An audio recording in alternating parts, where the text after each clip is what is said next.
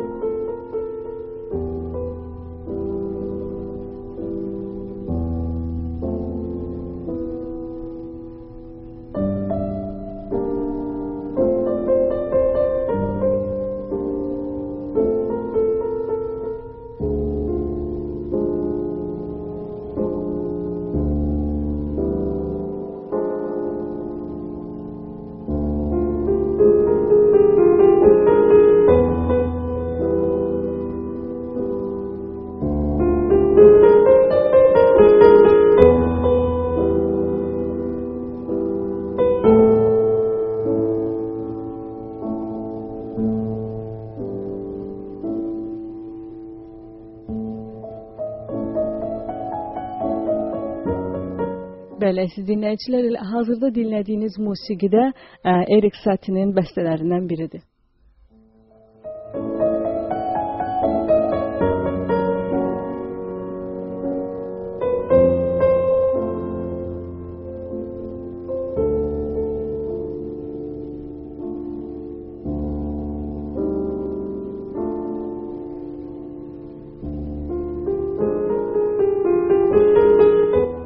20-ci əsrin birinci yarısında Avropa musiqisində islahatlar aparan şəxslərdən biridir Erik e, Satie.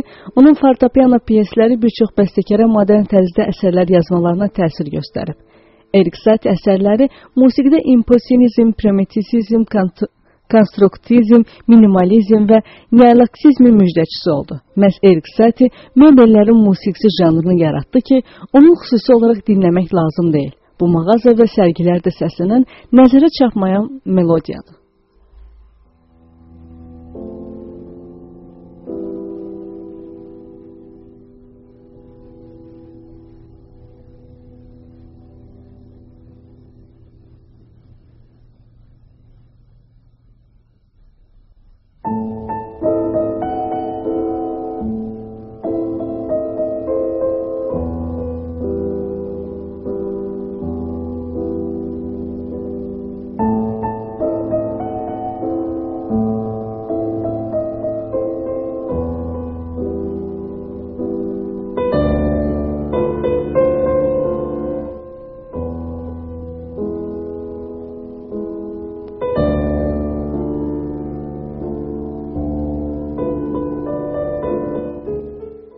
Sati 17 may 1866-cı ildə Normandiyanın Onfler şəhərində anadan olub.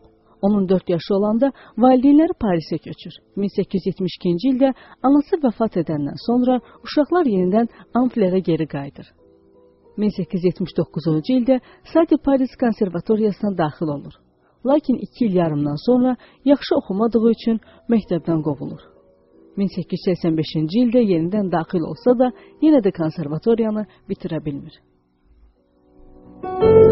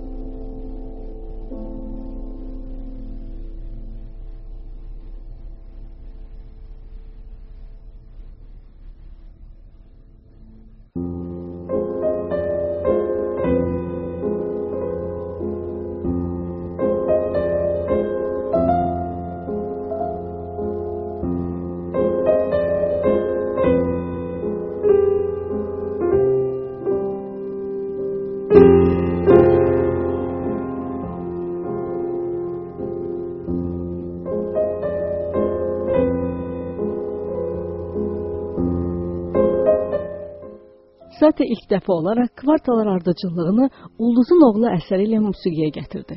Tezliklə bu üsuldan bütün fransız bəstəkarları istifadə etməyə başladılar. Bu üsul o dövrün müasir fransız bəstəkarlarının üslubuna çevrildi. 1892-ci ildən sonra Sate hər bir əsərini xüsusi olaraq işləməyə başladı. O hər bəstəsini bir neçə 5-6 keçidlərlə bəstələyirdi və sonda onları bir-biri ilə əlaqələndirirdi.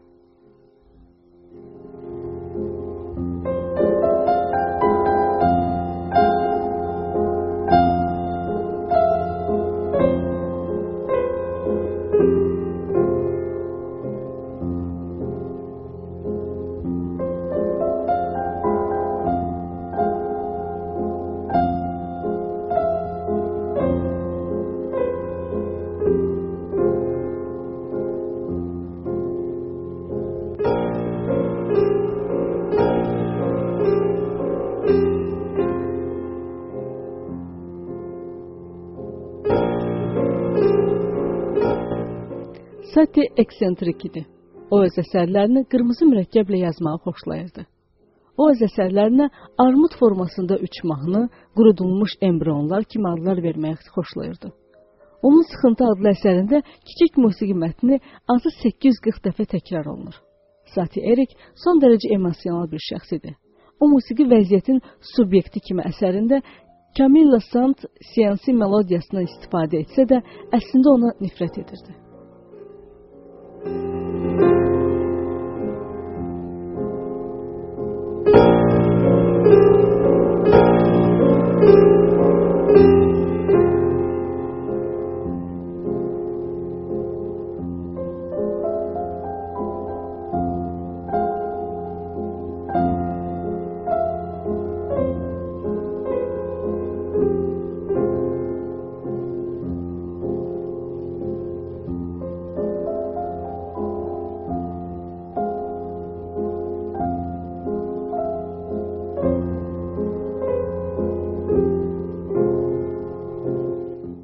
1899-cu ildə Qara Pişik kafesində pianoçu kimi fəaliyyət göstərməyə başladı. Hansı ki, bura onun yeganə qazanc yeri olaraq qaldı. Sat 50 yaşında faktiki olaraq ictimaiyyət tərəfindən tanınmayan bir şəxs idi. Kinayəli, acıdil, qara dinməz və fransız musiqi elitasından uzaq bir şəxs. Onun yaradıcılığı ilə 1911-ci ildə kütləni tanış edən Marie Ravel oldu. Konsertini təşkil etdi və yaxşı publika ilə onu tanış etdi.